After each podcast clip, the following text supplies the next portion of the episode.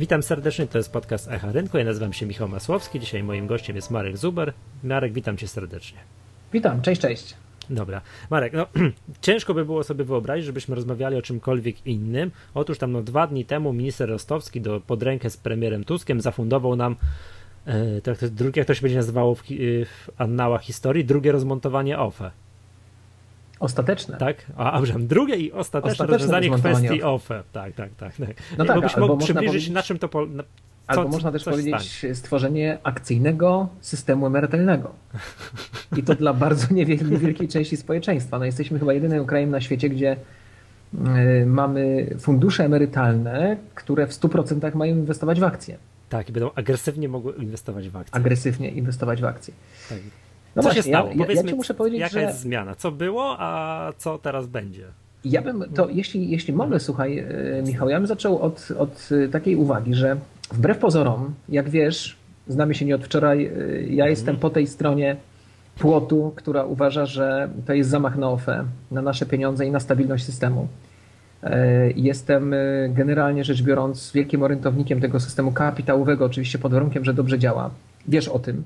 Tak. Natomiast muszę powiedzieć, że faktycznie sytuacja dzisiaj y, rządu jakiegokolwiek, nawet jakby to był inny rząd niż Platforma i byłaby z pewnością ciężka, bo my jesteśmy trochę w takiej sytuacji, że albo musimy wyjść do ludzi i powiedzieć na przykład, kochani rodacy, musimy wam zabrać te przywileje emerytalne, musimy wam zabrać te wcześniejsze emerytury, mundurowi, górnicy, musimy wreszcie mieć normalny system finansowania, czyli sami musicie finansować swój system, rolnicy i tak dalej, i tak dalej. Czyli mówiąc krótko, musimy ściągnąć z budżetu y, koszty funkcjonowania tego wszystkiego, które szacujemy w tym roku na 60 miliardów złotych. Mhm. Y, możemy oczywiście też zabrać inne przywileje, bo jeszcze parę byśmy znaleźli. To jest pierwsza opcja. A druga opcja jest taka, możemy też dalej rozmontowywać system OFE. Wy tego nie odczujecie dzisiaj w ogóle, w żaden, w żaden sposób. A natomiast odczujecie za 30-40 lat, bo my tylko przesuwamy pewien problem. E, I muszę Ci szczerze powiedzieć, że gdyby wyszedł minister Rostowski czy premier Tusk i powiedział do narodu coś takiego, to ja bym przynajmniej miał świadomość, że są uczciwi w stosunku do nas. Mhm. Tymczasem my mamy taki przekaz, y, że oto naprawia się coś bardzo złego. E, jak wiemy na, tym, na tej swojej słynnej porannej konferencji prasowej, minister Rostowski zacytował um, tych, którzy mówią, że OFE to mafia, że OFE to największy przekręt tego dwudziestolecia i tak dalej, i tak dalej. Oczywiście to nie są jego słowa, to jest tylko cytat. Jest tylko niebezpieczna inwestycja, inwestycje na giełdzie, tam są takie ryzykowne. O, ryzykowne, ryzykowne, to jest oczywiście bardzo ryzykowne. Nie, bo... jaka inwestycja, co mówię? Y, ryzykowna gra na giełdzie. Gra na giełdzie, spekulacja oczywiście, y, wszystko to jest mówione w taki sposób, że przeciętny Kowalski miał e, dokładnie właśnie takie dwie wizje. Pierwsza, bezpieczny, pewny, gwarantowany ZUS i te bardzo ryzykowne inwestycje giełdowe. Gra, gra, ryzykowna gra giełdowa. Gra giełdowa. Cię, jeszcze, tak, jeszcze to jest gra giełdowa. Brońcie, tak. Panie Boże, żebyś nie używał słowa inwestycje, bo to nie są inwestycje, to jest gra oczywiście. giełdowa. No więc właśnie, więc taki mamy, taki mamy y, przekaz, prawda? Czyli, czyli z jednej strony to bezpieczeństwo, mm, z drugiej strony y, likwidujemy coś, co jest bardzo, bardzo złe i tak jakby w ogóle problem przestał istnieć. Problem zadłużania się, problem dziury w ZUS-ie. Tymczasem nic bardziej mylnego. No jeszcze raz trzeba to wyraźnie powiedzieć, że Y, ta dziura będzie, tylko że się oddala. Y, ona się na nowo narodzi wtedy, kiedy my będziemy pewnie przechodzić, ty i ja, jak dożyjemy, miejmy nadzieję, na, na emerytury.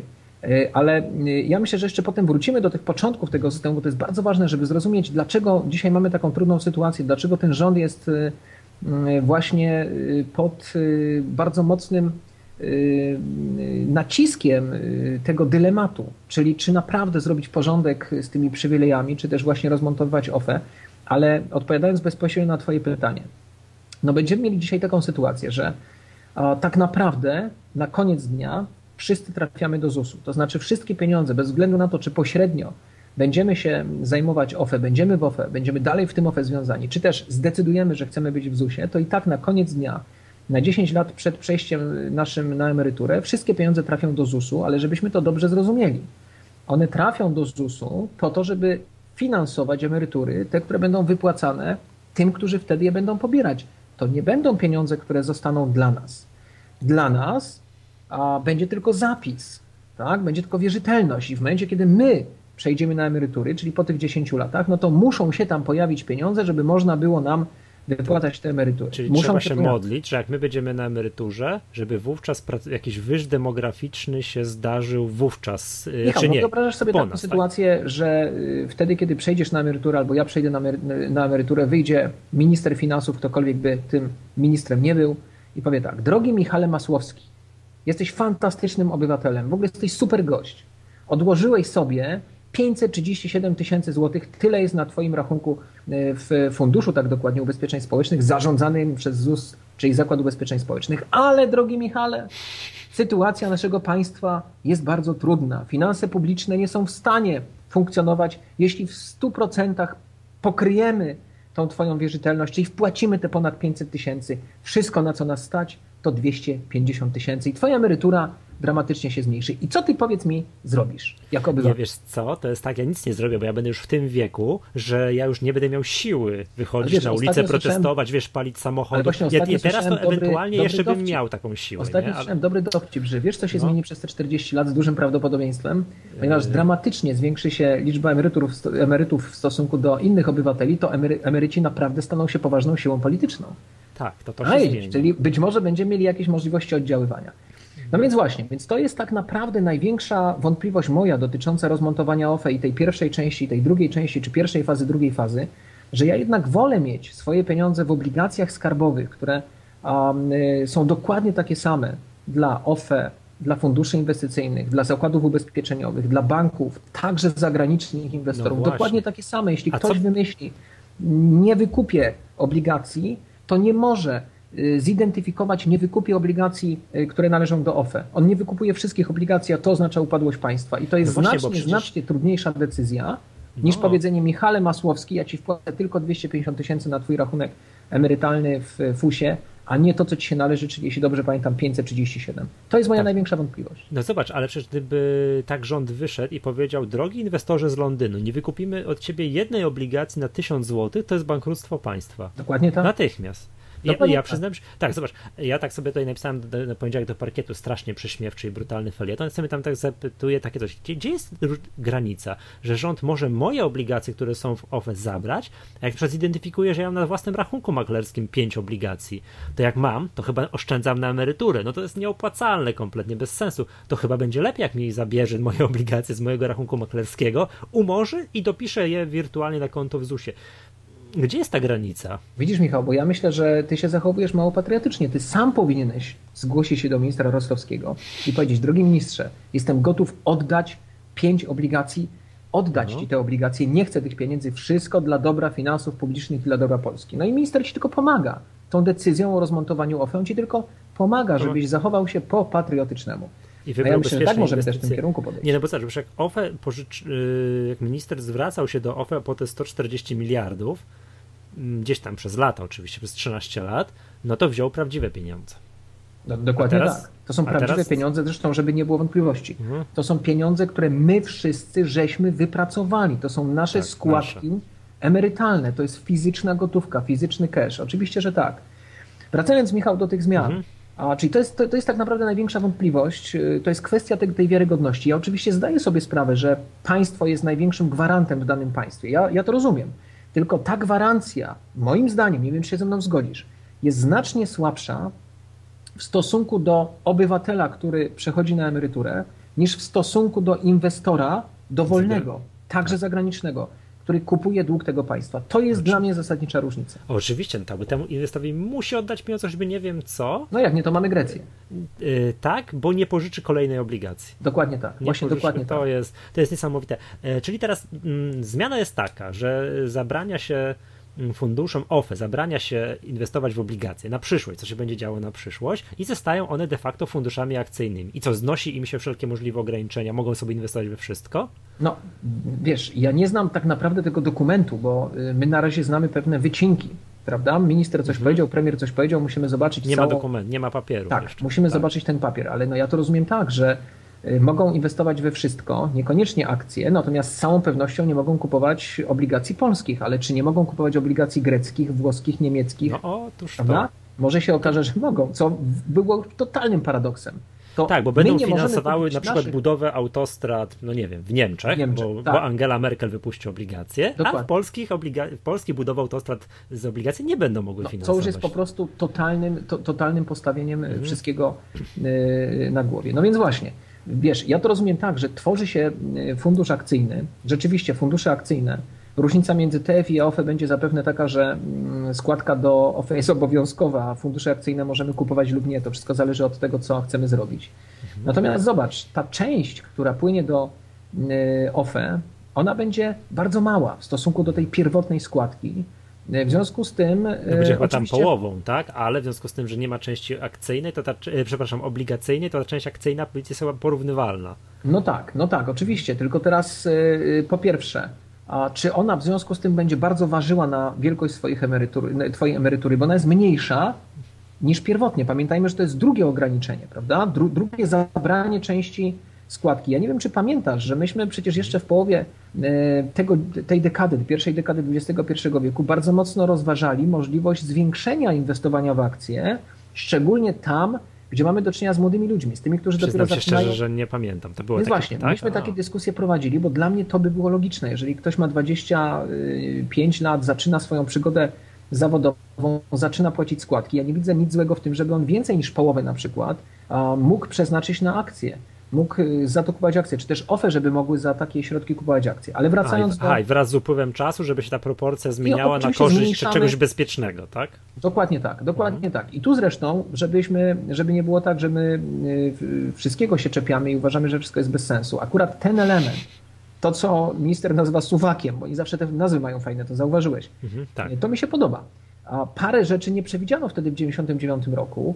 Między innymi y, nikt nie wpadł na pomysł, żeby spróbować zbudować taki bufor y, na takie czasy, jakie mieliśmy w 2008-2009 roku, bo Michał, no nas y, y, przyszło nam żyć w największym kryzysie gospodarczym od 80 lat.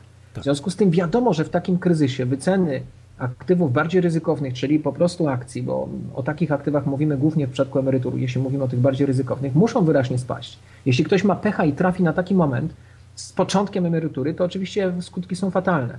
Więc to, że minister dzisiaj mówi, spróbujmy zabezpieczyć ten element, ma 100% racji, z tym się zgadzam. Podobnie zresztą jak zgadzam się z tym, że w systemie OFY była zdecydowanie za mała konkurencyjność. Przecież wiemy doskonale w systemie benchmarków o tym, że e, no, nie chcę użyć słowa umawiano się, ale jakoś dziwnie te wyniki funduszy za bardzo się nie różniły od siebie. Um, to racja, to było złe. Oczywiście w szczególności za... pod koniec kwartałów. W szczególności pod koniec mhm. kwartału, dokładnie tak.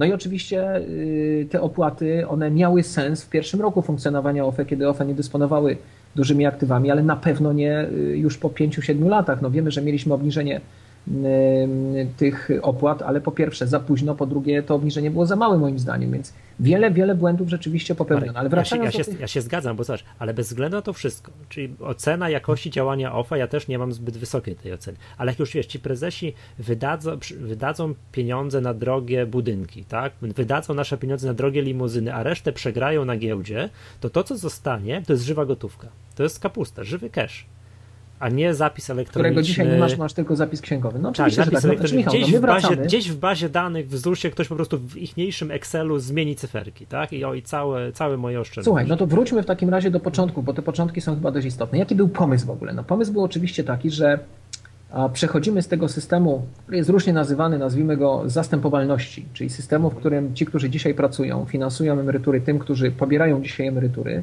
Mieliśmy przejść do takiego systemu, żeby każdy z nas miał swój rachunek i wysokość emerytury, żeby była związana z tym, ile na tym rachunku jest pieniędzy. Fajny pomysł? No Super tak, pomysł. No Przede wszystkim pomysł, który odciąża państwo, odciąża państwo z finansowania systemu emerytalnego. Oczywiście ten, ten system zastępowalności jest bardzo fajny. On był, wiesz, najfajniejszy wtedy, kiedy Bismarck go wprowadzał, dlatego że e, na emeryturze się szło w wieku 55 lat, a średnia długość życia to było 54 lata. Więc on fakt, Super. fantastycznie Nie, to bomba sprawdza. była. To, to, tak, no, to, niestety, tak, taki, w takim wypadku by się sprawdziło. Tak, tak no tamtej czasy się, y, czasu się parę rzeczy rzeczywiście zmieniło. No ale słuchaj, jeżeli mamy przejść z jednego systemu do drugiego, to, i to jest największy problem, pojawia się nam tak zwany okres przejściowy, czyli okres, którym e, muszą współistnieć obydwa systemy. Czyli z jednej strony dla tych młodych ludzi czy młodszych ludzi budujemy już te prywatne rachunki, ich własne rachunki, a z drugiej strony musimy oczywiście finansować emerytury tym, którzy są w starym systemie. A jeśli zabierzemy część ze składki dzisiaj pracujących, żeby budować im te prywatne rachunki, indywidualne rachunki, no to, to powstanie dziura. Znaczy, wiesz, ja... nam chyba bez zabierania tej składki i tak się nam się i tak robi dziura. Oczywiście. A, a jeszcze jak się zabierze tę część, o której mówisz, to dziura jest jeszcze większa. Ona będzie jeszcze większa, no. więc oczywiście w związku z tym w 1999 roku założono też parę innych rzeczy, oprócz powstania otwartych funduszy emerytalnych. Po pierwsze, że prawie wszystkie wpływy z prywatyzacji mają zasilić specjalnie stworzony rachunek, takie zabezpieczenie. Mam tutaj na myśli oczywiście ten rachunek, y, który nazywamy rachunkiem rezerwy demograficznej. I on miał być pierwszym takim zabezpieczeniem. Z niego mieliśmy czerpać pieniądze e, po to, żeby częściowo przynajmniej pokrywać tę dziurę, y, która się w Funduszu Ubezpieczeń Społecznych tworzy. Po drugie, mieliśmy zrobić porządną reformę finansów publicznych, ograniczyć bardzo mocno deficyt całego sektora, a w szczególności deficyt budżetu centralnego, po to, żeby wtedy, kiedy ta dziura będzie szczególnie duża, można było zwiększyć ten deficyt i w ten sposób faktycznie tę dziurę finansować. Dlaczego warto ją finansować? Bo gdzieś na końcu, wtedy, kiedy już zacznie się na w całości ten nowy system, czyli wtedy, kiedy umrze ostatnia osoba będąca w starym systemie, państwo nie musi już finansować systemu emerytalnego, więc warto ogóle, dzisiaj się zadłużyć. Mniej więcej za jakieś tam 50 lat. A 2060 tak, powiedzmy. Tak, no, to jakby wszystko się wymieniło, tak, wszystkim życzę dużo zdrowia, no ale jakby wszystko się już, wymi- całe pokolenia by się już wymieniły, to by było dobrze. Państwo Dokładnie nie tak. dokłada złotówki do systemu emerytalnego Dokładnie wówczas, tak. w pewnym I momencie. Stąd, I stąd no może tam, było... przepraszam, to ewentualnie do jakichś tam, no nie wiem, pojedynczych procentów ludzi, którzy no nie oszczędzali przez życie, no nie byli narkomanami Oczywiście, tak oczywiście. Dalej, możemy tak? mówić tutaj, może bardziej wtedy byśmy mówili o pomocy społecznej niż o systemie emerytalnym, ale o, wiesz, to już są, to już są tak szczegóły. Jest. Mówimy tutaj tak o relatywnie jest. niedużych pieniądzach. Um, no więc to było szalenie istotne y, założenie. Warto się zadłużyć, tak, po to, żeby w przyszłości nie mieć problemu z obciążeniem. Nie mieć tego obciążenia związanego z systemem emerytalnym. Mówię tutaj oczywiście o, y, y, o państwie. No ale ten dług można zwiększać tylko wtedy, kiedy on w ogóle nie jest y, duży, biorąc pod uwagę inne potrzeby państwa. Czyli trzeba było te reformy zrobić. No i po trzecie, należało zrobić reformy różnego rodzaju przywilejów, przywilejów emerytalnych, żebyśmy dzisiaj nie mieli kosztów w postaci 60 miliardów złotych, jeszcze raz to przypomnę w tym roku, na różnego rodzaju przywileje emerytalne. Co z tego zrobiono, Michał?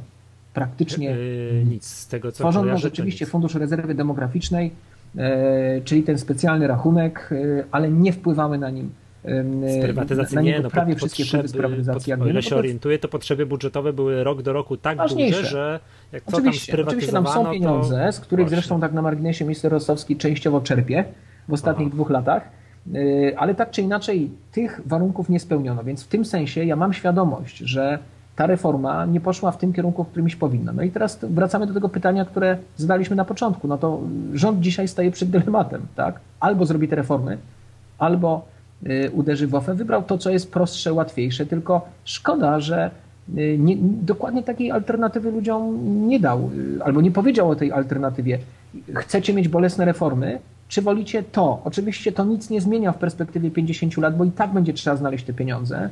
Wiesz co, no, ale jakby, mi, jakby mi zadał takie pytanie, to bym powiedział, chcę mieć bolesne reformy, bo nie jestem ani górnikiem, ani nie należy do służb mundurowych, ani co tam jeszcze trzeba finansować z dziwnych rzeczy, tylko że siła wyborcza elektora, na przykład górników, jest tak gigantyczna, że żaden rząd ich nie ruszy.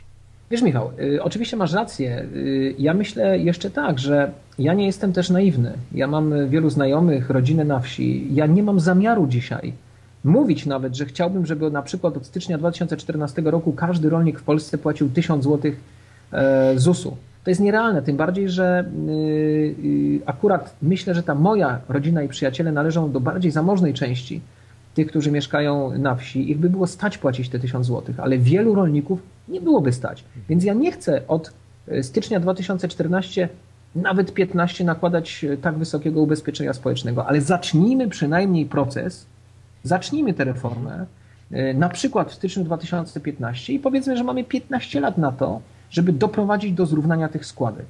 A nie możemy żyć mitami, że dzisiaj wszyscy na polskiej wsi są biedni. A wiesz, jeśli ktoś skończy szkołę fryzjerów i w Warszawie próbuje y, otworzyć gabinet y, fryzjerski, nie ma bogatej rodziny, nie ma to bogatych rodziców. To jest biedny jak jasna Od cholera. początku musi płacić 1000 zł i musi także tak. kupować jedzenie, wszystkie inne rzeczy też jest mu ciężko. Więc jeszcze raz, ja nie chcę, żeby od jutra wprowadzać y, bardzo wysokie takie jak dla na przykład jednoosobowej działalności gospodarczej stawki ubezpieczenia emerytalnego na wsi. Ale zacznijmy proces wyrównywania tych stawek, niech on potrwa bardzo wiele lat. W długoterminowych założeniach możemy zupełnie inaczej wtedy patrzeć na finanse publiczne, na finanse państwa. To jest bardzo ważna rzecz. I oczywiście dokładnie tak samo możemy postępować w przypadku innych, innych przywilejów. Wiesz, te przywileje nadawano wtedy, kiedy sytuacja w Polsce była zupełnie inna niż dzisiaj. Wtedy one były potrzebne po to, żeby zachęcić ludzi do wybierania różnego rodzaju zawodów, ale dzisiaj sytuacja jest zupełnie inna.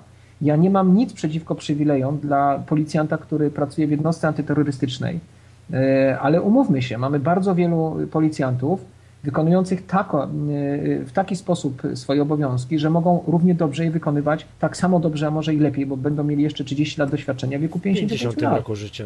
Nie ma sprawy. Marek, bardzo mi się podoba. Jak będę kiedyś ministrem, y, przepraszam, premierem, to biorę cię na doradcę albo jakiegoś ministra, dobra? Ale jakiegoś ministra, czyli nawet jeszcze nie jesteś pewien jakiego?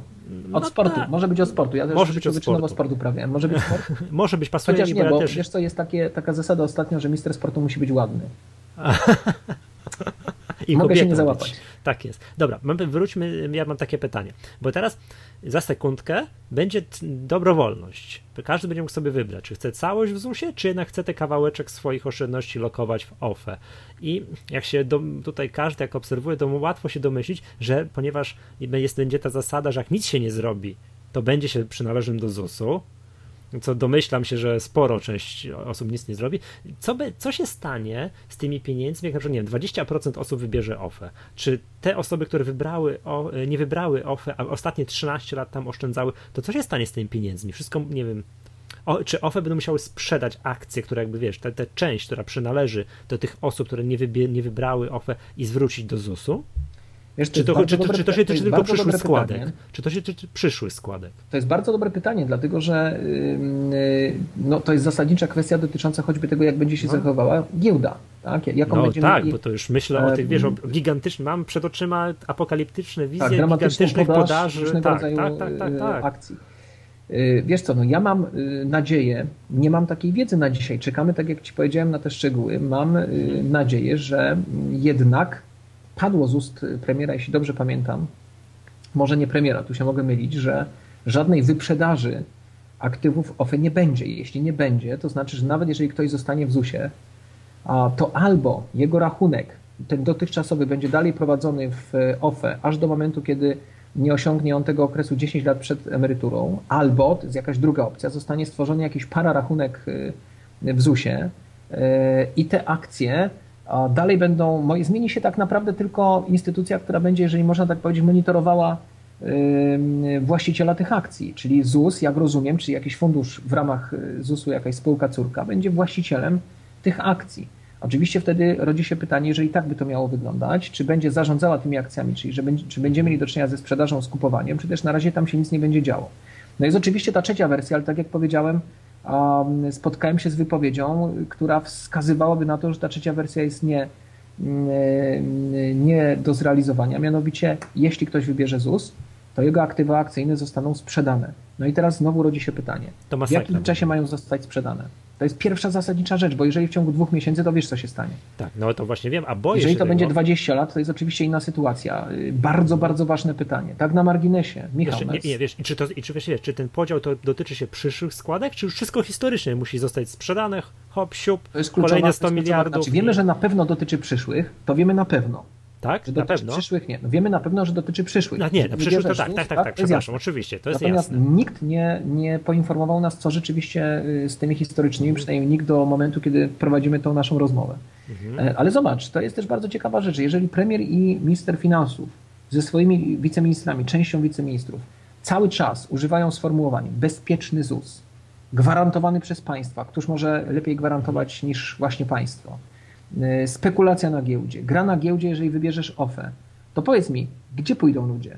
A, A jeszcze w dodatku, w dodatku no to jest tak, też pytanie, w jaki sposób ja będę mógł wybrać, yy, wskazać, że chcę zostać w OFE, bo jeżeli mailem, to będzie trochę łatwiej, przynajmniej dla dużej części społeczeństwa, ale jeżeli każesz tym ludziom iść do ZUS-u, żeby wypełnili tam ankietę i wskazali w tej ankiecie, ja chcę być w OFE, to ile osób pójdzie? Ilu się będzie chciało tam iść? Nie ma szans, bo to będzie wyglądało tak. Każdy z nas dostanie do domu jakiś dokument, który będzie napisany takim językiem, żeby broń Boże nikt nic z tego nie zrozumiał. W związku z tym większość tak powie, co to jest? Odłoży to na półkę i zaniecha działania, czyli ZUS. Słuchaj, widzimy wyraźnie. Ja, ja, się, ja się tego bardzo boję, że osoby, które są ekonomicznie, wiesz, nieuświadomione, nie wiedzą, co jest, nie potrafią czytać takich dokumentów, po prostu nic nie zrobią, bo nie będą rozumiały, co się do nich mówi. Michał, przekaz medialny jest jasny. Ten przekaz medialny w postaci słów używanych przez tak. pomysłodawców tego, tej reformy. Fajna nazwa. Tej, tej reformy. Nie warto, to jest niebezpieczne, nie kombinować, iść do ZUS-u. I tak będzie prowadzona kampania. Czy ona tak, będzie tak, oficjalna, tak, czy ona będzie nieoficjalna Nieoficjalna, czyli y, o właśnie w czasie wywiadów, ministrowie będą to mówić gdzieś tam przypadkowo, przy okazji jakiegoś e, innego wywiadu, mówienia o czym innym, to zobaczymy. Natomiast z całą pewnością ta kampania będzie prowadzona w taki sposób, żeby jak największa część społeczeństwa pozostała w ZUS-ie. Mhm. E, ja mam, muszę Ci powiedzieć, jednak obawy e, dotyczące tych akcji, chociaż mam nadzieję, mam nadzieję, bo wiesz, mimo wszystko oni się tym przejmują. Mam nadzieję, że to, co się stało w czwartek, Czyli ten bardzo, to bardzo mocne tąpnięcie na giełdzie. No właśnie, bo jak giełda, co jak giełda oceniła y, pomysły, tak? Pomysły no to tutaj, jest, to jest na jasne. To, to, jest jasne, to było widać wczoraj. Odreagowanie, tak? tak. do, do, dość, do, dość mocny wzrost, to jest wszystko jasne, ale ewidentnie informacja dotycząca tego, jak, co sądzimy, czy co inwestorzy sądzą o tym wszystkim, poszła. Więc mam nadzieję, że nikt tutaj takiego błędu nie, nie, nie, nie, nie zrobi, bo bardzo mocny spadek wycen na giełdzie nikomu nie jest potrzebny, także nie jest potrzebny rządowi. A sorry, a słyszałeś coś, co dzisiaj minister Rostowski powiedział? Jak go zapytano o te minus 6 czy tam minus 7 wczoraj? Nie, no oczywiście, że wiem. To właśnie no. pokazuje, jak giełda jest ryzykowna, jak inwestowanie na giełdzie no. jest ryzykowne. Przynajmniej wiesz, ja mam na myśli ten wywiad z rana. Tak, tak, tak, ale wiesz, to mnie to przeraża, bo to pokazuje, że sfery rządzące nie czują rynku kapitałowego. W ogóle nie wiedzą, po co to jest potrzebne gospodarce. Jakby A nie było ja tych ryzykownej gry na giełdzie, to byłoby lepiej. Mam ja myślę, wrażenie. że bardzo dobrze y, czują, przynajmniej część z nich czuje, tylko yy, wiesz, to jest w dalszym ciągu taka socjotechnika, to jest w dalszym ciągu um, wskazywanie na to, że um, to nasze rozwiązanie jest absolutnie najlepsze y, i trzymanie się bardzo wyraźnie właśnie w tych, wy, w tych wypowiedziach, takie zachęcanie bardzo mocne i bardzo jednoznaczne do tego, żeby zostawić to OFE, żeby w to OFE się dalej nie pakować. Wiesz, ja się cieszę z tego, bo jeszcze raz to wyraźnie powiedzmy, decyzja jest trudna z uwagi na to, że nie poprowadzono do końca reformy OFE z 1999 roku. Decyzja jest trudna z uwagi na to, że bardzo wiele rzeczy w funkcjonowaniu y, OFE było złych.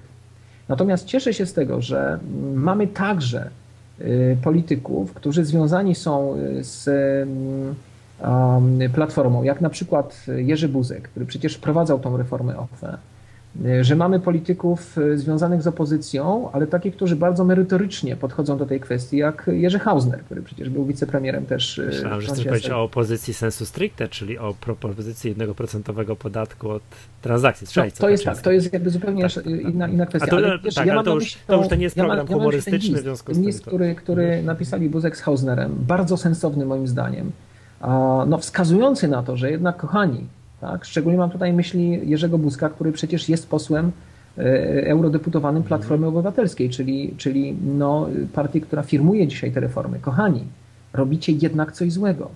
A to jest odwrót bardzo niebezpieczny. To nie jest załatwienie żadnej sprawy, to jest tylko przesunięcie pewnych problemów.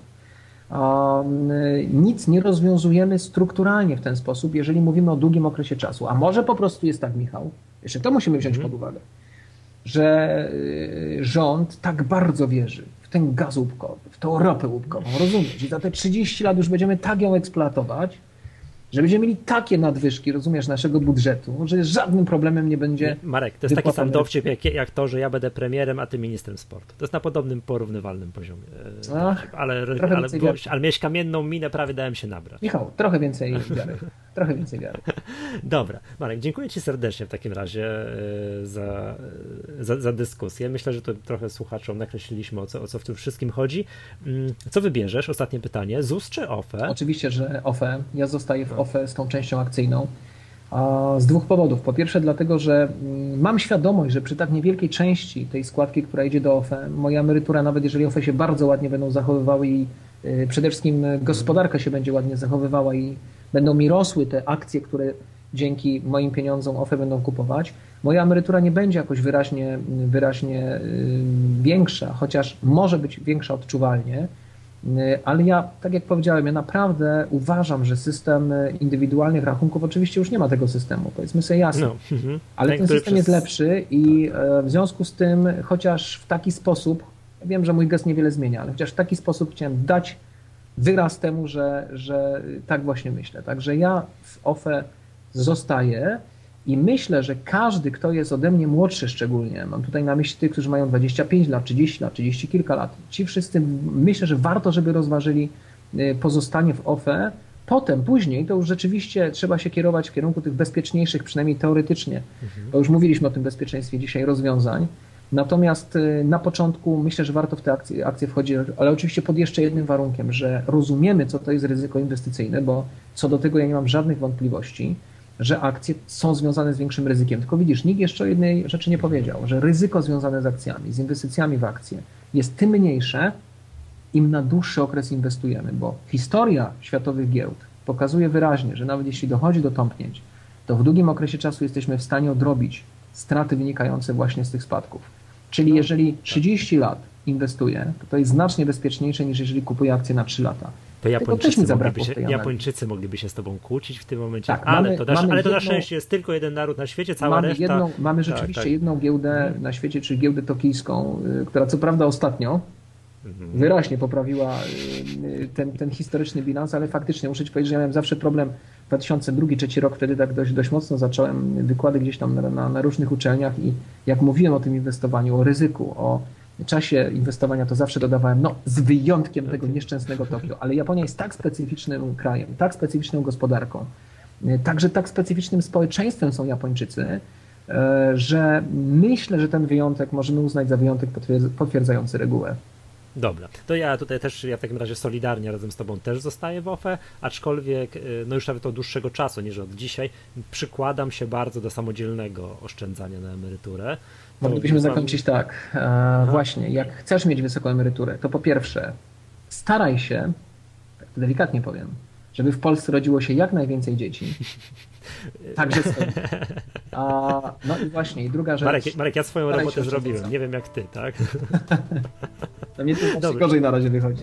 Dobrze, pięknie dziękuję Ci za rozmowę. To był podcast Echa Rynku. Nazywam się Michał Masłowski. Dzisiaj moim gościem był Marek Zuber. Marek, dzięki serdecznie. Dzięki również.